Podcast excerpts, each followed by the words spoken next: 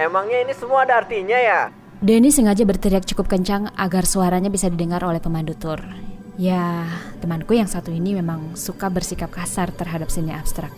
Dia selalu mengeluh tentang seni abstrak yang hanya terlihat seperti tumpukan omong kosong. Dan khususnya hari ini, dia sangat marah karena kami harus pergi mengunjungi museum seni abstrak.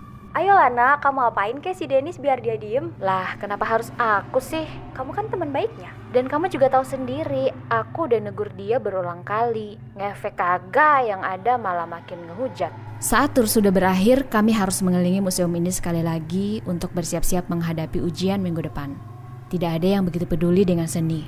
Kalau sudah menyangkut nilai, semua akan berusaha mempersiapkan diri sebaik mungkin.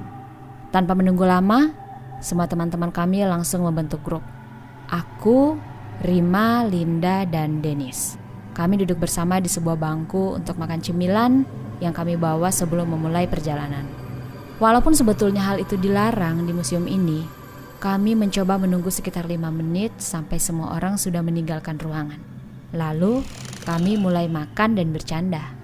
Kami pikir kami sudah mencatat cukup banyak ketika pemandu kami menjelaskan isi museum ini. Jadi, kami tidak begitu kepikiran untuk berkeliling lagi. Kami sudah melihat patung kepala abstrak yang aneh, lukisan-lukisan yang pasti kalian tidak akan mengerti makna apa di baliknya. Jadi kami tidak begitu tertarik dengan apa yang ada di sini. Setelah beberapa lama, kami baru menyadari suasana yang mendadak sangat hening.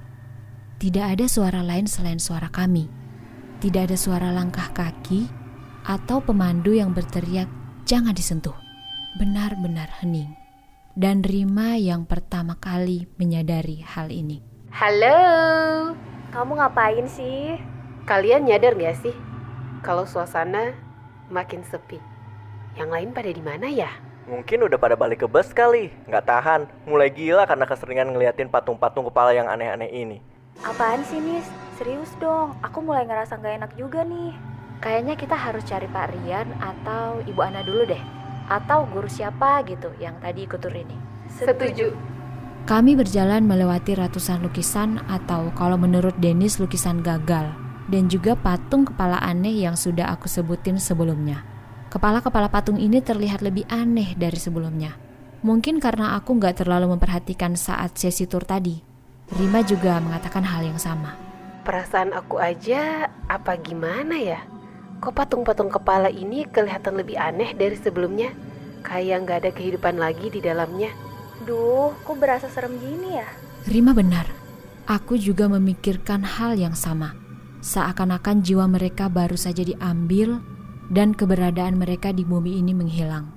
Karena Linda semakin takut dan juga kami masih belum menemukan satu orang pun setelah mencari selama 10 menit, kami memutuskan untuk tetap berjalan. Anehnya, kami seperti kembali ke titik awal. Jam baru menunjukkan pukul 2 siang. Masih ada satu setengah jam sebelum kami harus kembali ke bis. Tapi kami memutuskan untuk kembali saja. Seharusnya ada tangga menuju lantai bawah tepat di samping ruangan di mana kami bersantai. Tapi kami tidak bisa menemukannya. Yang ada di situ malah sebuah ruangan kosong yang hanya diisi oleh empat buah cermin. Cermin-cermin itu ditempatkan bersebelahan dan tidak ada cermin lain lagi selain pada dinding itu. Yang ada hanyalah dinding dengan perubahan warna. Seakan-akan memang ada cermin di situ sebelumnya. Eh, ruangan ini sebelumnya nggak ada kan ya? Aku hanya bisa mengangguk.